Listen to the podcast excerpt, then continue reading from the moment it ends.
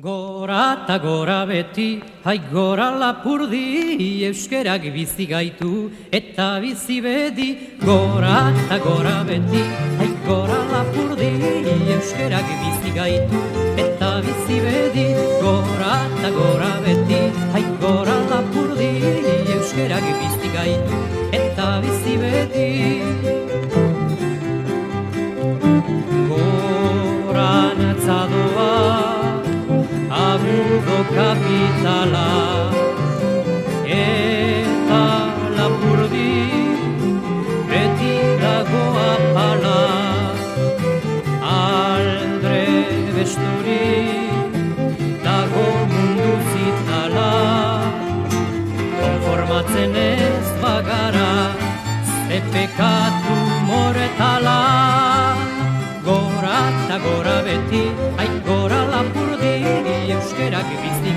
La música de Oscorri para recibir Álvaro Neil. Por fin le tenemos aquí en el estudio Álvaro Neil, a Biciclón, después de 13 años que no le veíamos la cara. Ahora por fin estamos con él, el buen amigo de Álvaro Neil Biciclón, que nos ha dado tan buenos ratos, eh, relatos aquí en relatos y ratos aquí en Levando Anclas. Pues por fin le tenemos. Bienvenido, enhorabuena por la vuelta al mundo, esos 13 años y 10 minutos que has tardado en regresar a Oviedo. Muchísimas gracias por estar con nosotros. Es que ricasco. La primera vez que digo es que ricasco en la tierra que se dice es que ricasco. ¿eh? Ah, sí. Bueno, y además nos has elegido esta canción de Oscorri. Siempre que hemos hecho entrevistas con músicas del lugar, esta vez pues conviene lo de Oscorri, así nos lo has dicho. Era un pecato amortala, si no la ponemos, ¿no?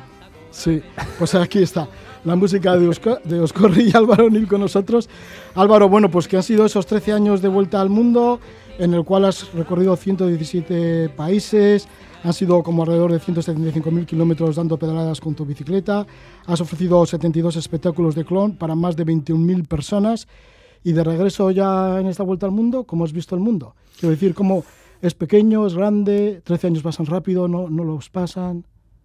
Pasan como a la velocidad de las mariposas. La verdad que han sido 13 años muy como uno que sabía dónde va. Ahora que llevo aquí 10 días he perdido el control absoluto. O sea, esta, esta vida es muy loca y cuesta, cuesta someterse al ritmo de la sociedad. Va todo muy rápido, va todo muy rápido, demasiado rápido. He perdido el control, he perdido el control absoluto. Sí, porque claro, costará mucho aterrizar, ¿no? Después de 13 años viviendo una vida día a día, minuto a minuto. Sí, aquí no sé, me llevan, me traen, ahora mañana creo que duermo en Madrid. Es un, no sé ni, es muy loco, es muy loco. Es, es una vida que, que como antes yo vivía 1, 2, 3, 4 y ahora vivo 1, 17, 34. es como que me, me faltan escaleras por subir. Sí. Todavía vas con el turbante. Sí, bueno, es que la verdad... ¿Qué te lo pusiste en África ya, no? Sí, desde el principio. 2004 lo uso y, jolí, días como hoy que hace frío en Bilbao, pues está bien. También noto, noto las miradas, ¿no? De las personas que dicen, ¿y este, este sube o baja, no? Este... pero ahí la de la recepción, por ejemplo, le digo, hombre, pero te estábamos esperando, ¿no? Ha venido con, él venido con el Portu que me ha traído, me ha traído en metro, el tipo Sí. manejando el metro, la verdad que, que bien conduce. Y ahí cuando hemos aparcado el metro en la puerta, digo, déjanos sentarnos, que no, es que no se puede pasar por seguridad. Y yo, mira, ya hemos llegado. Digo, pues ahí los árabes te hubieran dado una silla y un té. Dice, aquí no. Las, las reglas, me ha dicho. Yo, ay, ya estamos en el mundo de las reglas, eh, Roge. Sí, has vuelto al mundo de las reglas, de las normas. Sí, estrictas y... Bien, hay que someterse, ¿no? Yo siempre he dicho que un viajero, allí donde fuere, tiene que someterse al país. Y aquí es lo que hay, pues, eh, pues nada, y ya tengo un móvil. ¿Qué te parece? Ya, bueno, pues una- son lecciones que uno va aprendiendo en el viaje, lo de adaptarse al lugar en donde está. Sí, no van a, no puede uno ir imponiendo, es que yo soy así, no, mira, aquí no es así, aquí no puedes pasar, no te puedes entrar en el banco. Lo único que espero no perder es la, alegría y, esa mirada del clown de, de verlo todo de otra manera y hacer reír un poco a la gente por donde voy, ¿no? Es decir, a la de recepción, pues bueno, ya le arrancamos una sonrisa. Sí. ¿Y cuál es la...? Sí, bueno, son bien simpáticas, ¿eh? Bueno, pero claro, su trabajo parece ser que también es cumplir las reglas. ¿Y cuál es, cuál es el país que te has sentido más libre o la región del mundo en la que te has sentido más libre, más a tu aire? Posiblemente África es como siempre ese continente donde uno tiene licencia para jugar, puede hacer lo que quiera, eh, el público se ríe. Eh, mm, en países árabes es un poco más complicado porque la mujer como que no está en la calle y falta un elemento de la vida, ¿no? Pero en África es el, continente más donde uno puede improvisar más, eh, donde uno puede jugar y todo está permitido con un, dentro de un límite. Todo empezó en África, dando la vuelta a África. Sí, así fue. el toda esta ruta de la vuelta al mundo, porque anteriormente hiciste una larga ruta también por Sudamérica. Sí, ahora me doy cuenta cuando veo gente que me sigue, que, cuando yo empecé en el 2001, no voy a decir que fui un pionero, pero sí un poco no era tan conocido el cicloturismo como ahora. Eh, no se podía comprar material bueno en España, no había las marcas que hay ahora. Había alguien que había hecho un libro, Juanjo, el Capitán Pedales, que había, pero poco más. Y ahora me doy cuenta que, yo fui un poco de los primeros que realmente pegó el portazo, ¿no? Que se fue, se fue para nunca volver. Ahora que he vuelto, he vuelto a, otro lugar. Yo no he vuelto a mi mismo lugar, yo no he vuelto a mi trabajo anterior de abogado en una notaría. Yo, yo estoy en el camino. No, no, mi vida sigue siendo la vida de un nómada, de un payaso que vive día por día aunque ahora esté un poco todo revuelto, pero yo no he vuelto a esta sociedad eh, tan estructurada. Yo no quiero volver ahí.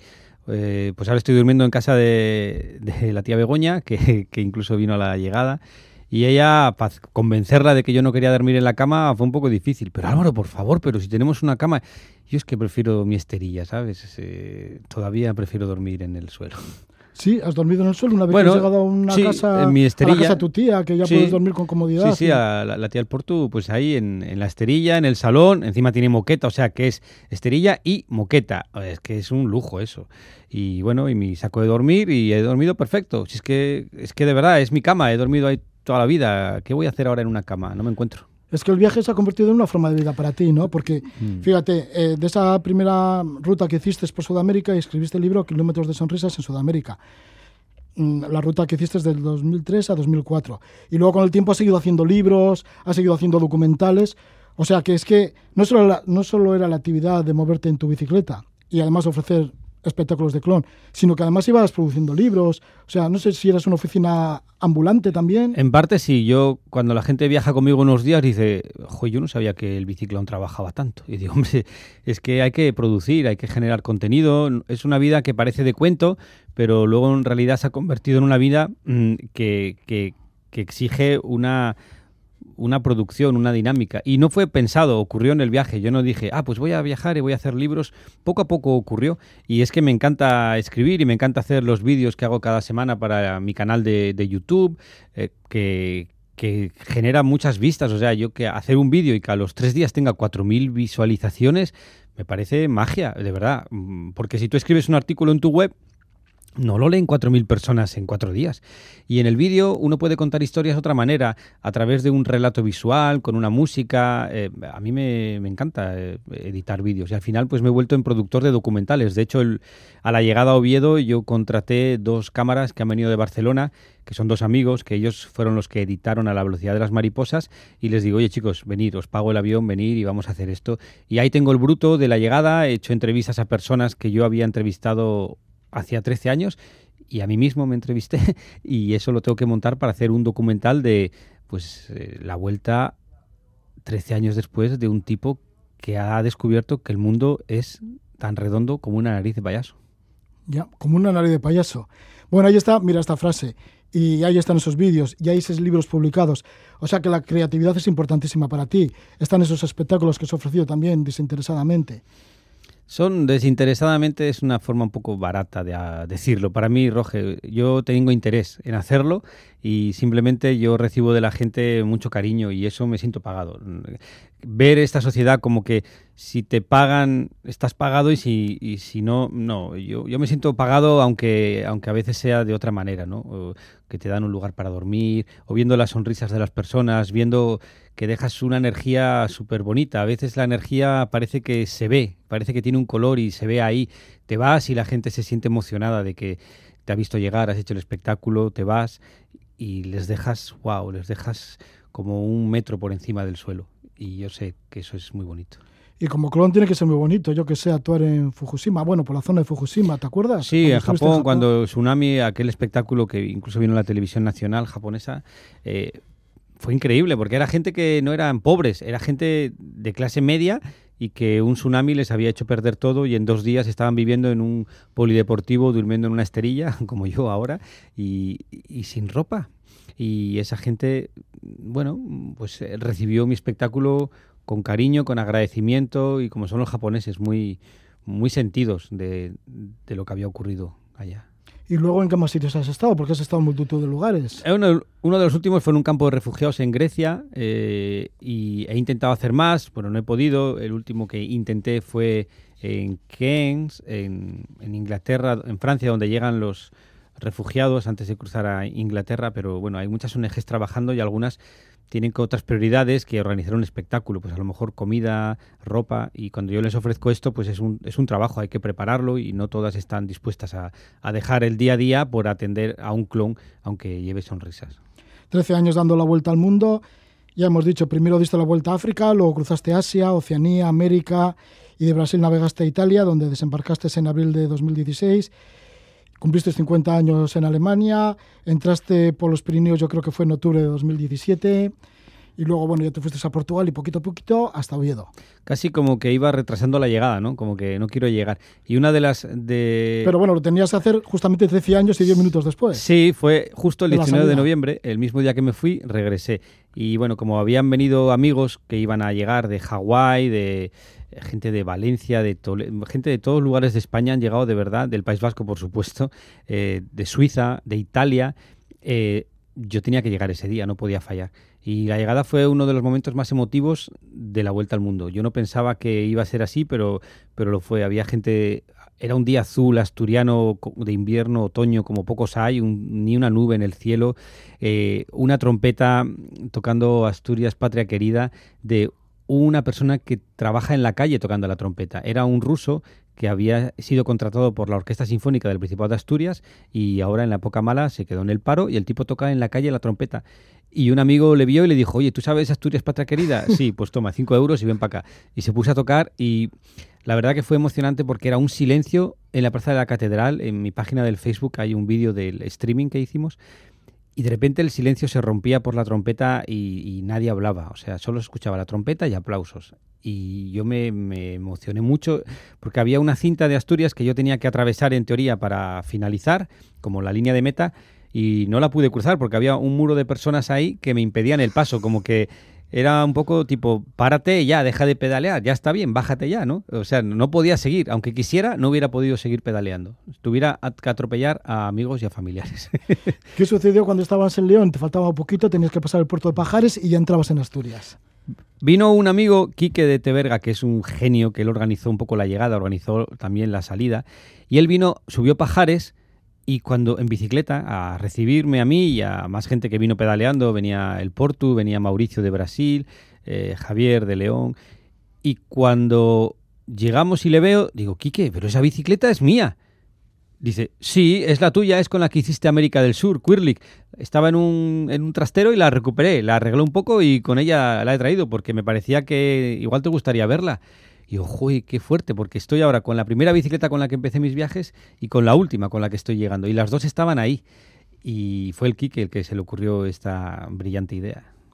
¿Qué enfermedades has pasado? Porque 13 años dando la vuelta al mundo, No. o 13 años quietos, seguramente que, que acude algo, ¿no? Pero dando la vuelta al mundo. Yo, mira, bueno, la- hay que decir lo de la malaria, ¿eh? En sí, África. he tenido cuatro malarias, pero... Y la primera cerebral. la- las cuatro cerebrales. Ah, pero- las cuatro sí, cerebrales. Sí, pero Dicen la- que las peores, ¿no? Son las peores, sí. De hecho, yo sé que estoy a punto de morir. Me dieron la extrema unción y... Te dieron la extremoción. Sí, sí, sí. Había un cura en la habitación de al lado que estaba con malaria, pero ya estaba recuperándose y cuando yo llegué y vio cómo- vi cómo estaba, él se acercó y se agachó y me dio la extrema unción. ¿En dónde fue esto? En Nigeria, en Akbor. Em, Encima en Nigeria. Sí. Poca Bueno, gente entra en Nigeria, ¿eh? es que fue un poco duro. Aparte, la malaria para curarla hay que descansar y comer bien. Y Nigeria tiene una de las peores comida, eh, gastronomías del mundo. Es muy picante, hasta la piña es picante y era difícil recuperarse ahí. Pero mira, me Y salvé. encima colonia inglesa que comen, ya sabes. Sí, sí, comen por eso, eh, muy mal. O sea, Nigeria Antigua colonia inglesa, quiero decir. de los peores para comer. Pero más allá de eso no he tenido. Yo he estado llevo años sin tomar una aspirina, ¿sabes? Ni, ni un resfriado, ni un catarro. La vida en bicicleta es súper sana. Ahora igual me enfermo porque vas en un metro, alguien tose, te agarras el virus, estás en un estudio de radio, a lo mejor aquí hay virus por el aire. Pero viviendo en la bicicleta es una vida muy sana, mucho más de lo que la gente cree. Tu cuerpo se acostumbra a pasar un poco de frío, un poco de calor y no te vuelves como, como indefenso, al revés, generas defensas. Yo hace muchísimo que no tengo ni un catarro.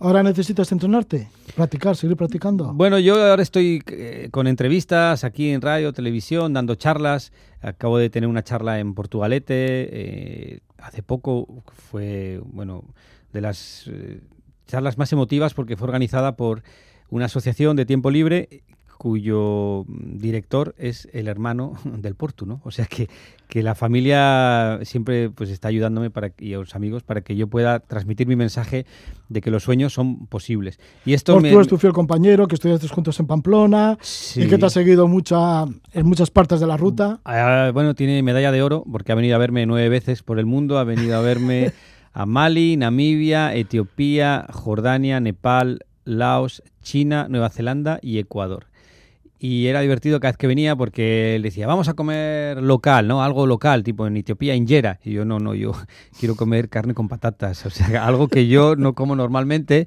y que necesito. Y bueno, me daba el placer un día y luego ya se acabó a comer local. a comer local. Bueno, pues con él has estado en Portu, con Portu, dando charlas y decía eso, que ya será difícil igual entrenarte, ¿no? Con todas las charlas que das. Y sí, pero bueno, intento, intento tener un poquito de bicicleta. Me han regalado una bicicleta de estas plegables, una, una Brompton, eh, que es una maravilla porque es como, wow, la metes en cualquier lugar. He podido ir a Madrid con ella en el tren. España es una vergüenza en este sentido, lo tengo que decir. Renfe está a la retaguardia de los medios de transporte mundiales porque no se puede ir de Oviedo a Madrid o de Bilbao a Madrid en tren con una bicicleta metida en una caja. O sea, una bicicleta que tú la puedes meter en un avión, pues en un tren de larga distancia en España no se puede meter. Esto me parece una bestialidad porque está limitando eh, un medio de transporte como la bicicleta, está limitando que una persona pueda viajar en bici con el tren. ¿no? Es, es, muy heavy. Yo he escrito a Renfe y dicen, bueno, pues de momento está así y hasta que la gente no reclame no lo van a cambiar. Y esto no era así hace 15 años. Se podía ir en un tren eh, hasta Barcelona con la bici, vale, empaquetada, muy bien, pero ahora ni empaquetada, ni en la caja, nada, prohibido. Ven una bicicleta y ya están llamando a seguridad. Álvaro, en el biciclón ya veo que te estás adaptando a los tiempos. Malamente, malamente. Yo no puedo, no puedo. Llegué a España y me paró la Guardia Civil para ponerme una multa porque no llevaba casco. Y el turbante dice, no, no, el turbante no está homologado. por el turbante, que qué pena que no te ven nuestros oyentes, pues aquí estás con el turbante. Bueno, que ya dices, sigues en ruta. Pero ¿cómo cambia el carácter estos 13 años? ¿Te ha cambiado el carácter? Claro, yo creo que me he vuelto más paciente, más comprensivo, aunque el que me conozca de cero ahora dice, este tipo tiene mala leche, pero no, yo, yo no, yo entiendo, por ejemplo, llegar hoy a los estudios y que la chica diga, no, no podéis sentaros en ese banco que está ahí a dos metros, ¿sabes? Bueno, me río y ya está. En otro momento igual digo, hombre, pero, pero no, ahora lo tomo más un poco con humor y, me río más. Yo me siento muy extraterrestre. Aquí ahora en la Tierra que estoy visitando me siento un extraterrestre. Veo cosas, veo todo el mundo en el metro eh, mirando una pantalla de, cristal. Eh, riéndose, hablando por la calle solos. ¿Y cuál es la diferencia entre un loco y uno que no está loco? El que no está loco lleva un cable colgado de la oreja y ese no está loco y el que no lleva el cable está loco. Pero los dos hacen lo mismo, están hablando por la calle, solos. Pero esto me refería también igual a cambiar el carácter, digo, porque al viajar 13 años por el mundo en bicicleta, ofreciendo espectáculos de clon y demás, la relación con la gente, ¿no? Sí. Eh, eso de igual de, sentir mucho cariño por mucha gente, pero que te tienes que despedir y, sigues camino. Esto Eso tiene que marcar bastante. No, es una, es como. No sé si a favor, supongo que muy, muy a favor. Mira, justo. Conocer a tanta gente del mundo. En la introducción de mi libro África con un par, eh, yo hablo de una cita de Kapuczynski, Viajes con Heredoto. Creo que es la introducción a su propio libro que yo copié. Y él habla de que las personas que dan la vuelta al mundo son como unas esponjas que absorben todo y al mismo tiempo con la misma facilidad lo expulsan. Eh, su relación con el mundo es muy intensa, aunque sea corta. Y yo me he convertido en esas esponjas que hacen que recibes mucho cariño y al mismo tiempo lo sueltas, recibes y lo sueltas. Es como un disco duro que continuamente está reseteándose. No quiere decir que aquellas personas salen de tu vida y no vuelven más. Están ahí, pero no ocupan un espacio físico. Tú sigues camino. Y eso he aprendido, porque la bici lo que me ha dado es mucha, o la vuelta al mundo en bici, mucha practicidad. Yo tengo un problema y enseguida tengo que encontrar una solución. No puedo empezar a pensar por qué se pinchó la bici, por qué se me ha roto el pasaporte, por qué tengo malaria. No, ya, solución, solución. Y es una forma de ir por el mundo muy, muy buena. Llegas muy lejos así. Llegas hasta dar la vuelta al mundo. Porque te la pasas resolviendo problemas, pero así, pero, pero ya, rápido. Yo veo amigos ahora que me dicen, es que mi empresa no sé qué. Yo, cambia de estrategia. O sea, cambia de estrategia. No uses la misma estrategia, vas a caerte otra vez. Y es curioso esa visión tan práctica yo no la tenía antes. Antes te quedas un poco en el problema, sentado encima del problema. ¿Cómo resolveré esto? No, a mí me da igual cómo lo resolveré. Lo tengo que resolver. El tema de amigos, un montón de amigos, un montón de amigas. El tema de amores. Sí. Porque igual te podía haber atrapado el amor por el camino y haberte quedado en algún sitio por ahí. Pero ahora estoy siguiendo una dieta que no tomo mucho pan, entonces no tengo muchas amigas. Era una broma.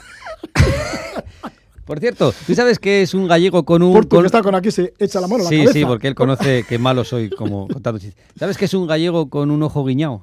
No. Un galleguiño. Esto que lo has aprendido últimamente. Sí, me lo han contado. Estoy renovando chistes porque yo he contado los mismos chistes durante 13 años. ¿Ah, y ahora, cuando llego a España y cuento mi chiste, dice, ¡joder, qué bueno! Pero eso ya lo contaba mi abuelo. Y yo, bueno, pues, Llevas un atraso ahí en los Llevo chistes. un atraso en los chistes, en la ropa. El Portu se ha empeñado. El otro día me llevó a una tienda y dice, Álvaro, tengo ilusión por regalarte una cosa. Y yo, ¿el qué? Quiero, quiero comprarte un pantalón vaquero y una camisa. Quiero verte vestido con un pantalón vaquero y una camisa. yo, ¿pero por qué? dice, porque sí, porque siempre estás con esa ropa de ciclista, de no sé qué. Por favor, déjame darme el placer y comprarte un vaquero. Y aquí estoy, con un vaquero. Es el único vaquero que tengo y bueno, estoy, según el Portu, es como la estoy readaptándome poco a poco a la sociedad. Pronto compraré otro calzoncillo. Hombre, es otro chiste, claro. no es real. no, no, que no, que dice Portu que no. Que no, que es chiste o que no es chiste. Bueno, no, ahí lo dejamos. Que no bueno, es chiste. el caso es que sientes nostalgia por algún lugar. Bueno, has pasado tantas geografías, desiertos, montañas tanta gente. Pero bueno, digo ya geográficamente. ¿Sientes nostalgia por un paisaje que te venga a la cabeza ahí? Por los desiertos, por los desiertos, sí. sí. esos lugares donde no hay gente, donde estás solo, donde, donde te vienen a la cabeza pensamientos que no sabías. ¿Sabes? Es muy bonito. El silencio de los desiertos es quizá lo que más hecho de menos. Esos lugares donde no quieres hablar, donde estás dos días sin hablar con nadie. Es una experiencia muy, muy buena. Yo es lo que más hecho de menos. Y ahora para mí esta parada es como cuando yo me paré en el Cairo a escribir el libro de África con un par, o en Shanghai a escribir donde termina el asfalto. Yo me siento o en como, Italia también te paraste. Sí, en Italia. Me siento como que me he parado a escribir. Quiero hacer el documental de la llegada, quiero escribir otro libro. Me paraba a escribir. Ahora, cuando termine de escribir y no me vaya en bicicleta, ahí sí que empezaré a pensar que algo ha cambiado. Me acuerdo, siempre me acuerdo, no sé por qué pero cuando estabas en Bután, hicimos una conexión, igual por lo difícil que sería conectar con Bután o porque Bután parece que es un país que no existe, pero que existe y que es maravilloso, supongo. Sí. Se existe, ¿no? Bueno, el caso es que te llamé a Bután y estabas en un sitio que no pasaba ningún coche ni nada y de repente estábamos eh, con la entrevista y dices, ahí va, acaba de pasar un coche. No sé, me acuerdo de ese, ese instante, ¿no sabes? Sí. Pero bueno, tú te acordarás seguramente de, de miles distantes, ¿no? De millones distantes. Sí, a veces. Pero digo, joder, este está en Bután, no hay coches, qué maravilla, ¿en dónde estará? Parece que está en, el, en Sangrilao, así. Y de repente le pasa ¡fiu! fugazmente un coche. Fue muy bonito llegar a Bután porque no estaba planificado, no sabía ni que existía Bután y fue una historia muy bonita que me regalaran la visa que cuesta 250 dólares por día, que me dejaran ir en bicicleta, eh, las agencias de turismo me paraban y decían, ¿dónde está tu guía? No, voy solo. ¿Cómo que vas solo? Pero si no se puede, si nadie va solo aquí, van todos con su guía, con su coche. Y me sentí un privilegiado. Y, más tiempo que ha pasado, más tiempo que digo, aquello fue un regalazo. O sea, lo de Bután fue el regalo del regalo. ¿Y alguna vez te has asustado de tu fortaleza? Porque 13 años sin volver a casa, 13 años dando pedales, 13 años escribiendo seis libros, haciendo documentales, mandando imágenes a YouTube, Ahí sigues mm, todavía, ¿no? No me ha asustado, pero cuando yo duermo en alguna casa, ¿no? Que tiene un mapa del mundo y lo veo, sí que el pensamiento primero que me viene a la cabeza es, joder, que un tipo sea capaz de recorrer el mundo en una bicicleta, no yo, alguien, ¿no? O sea, que la bicicleta como instrumento sea capaz de dar la vuelta al mundo es lo que más me sorprende. Porque hemos evolucionado, ¿no? Tenemos 4G, eh, 6G, fibra, eh, yo qué sé, coches sin cable, coches eléctricos, pero ahí está la bicicleta, ¿no? Reivindicando su poder. Y para mí es lo que más me sorprende. Una bicicleta todavía, con una bicicleta eres capaz de dar la vuelta al mundo. Las hay más sofisticadas, menos, pero una bicicleta te puede llevar a dar la vuelta al mundo. Y cuando la gente primero conoce mi historia es, tú tendrás mucho dinero, ¿no? Porque claro, para vivir sin trabajar, y cuando profundizan un poco dicen, no, los que tú tienes son un par. Bueno, ahí estaba tu libro, ¿no? Sí, África con un par. Eso es, exactamente. antes de cruzar el puerto de Pajares, fue la penúltima entrevista que te hice, antes de entrar en Asturias, y decías que todavía no te podías creer que estabas dando la vuelta al mundo, que ibas a volver a Oviedo, que habías carteles Oviedo 80 kilómetros, Oviedo cada vez más cerca, y que no te lo podías creer. Ya solo ver la palabra Oviedo. Sí, la verdad que no, no me lo creo, pero es, es cierto, ¿eh? Cuesta, cuesta creerse tantos años. Bueno, mira, yo pienso que he vivido mi sueño, lo he hecho realidad y va a tardar mucho tiempo en, creérmelo. Bueno, pues poquito a poco, muchísimas gracias por estar con nosotros, Álvaro Nil Biciclón. Te queremos mucho en este programa, en Levando Anclas, así que cuenta para lo que quieras con nosotros. Gracias, porque es, un placer volver. Eh, en el camino se han quedado personas y seguir vivos y podernos abrazar es, es un milagro, de verdad. Gracias. Trece años después, gracias por estar con nosotros. Es que recasco.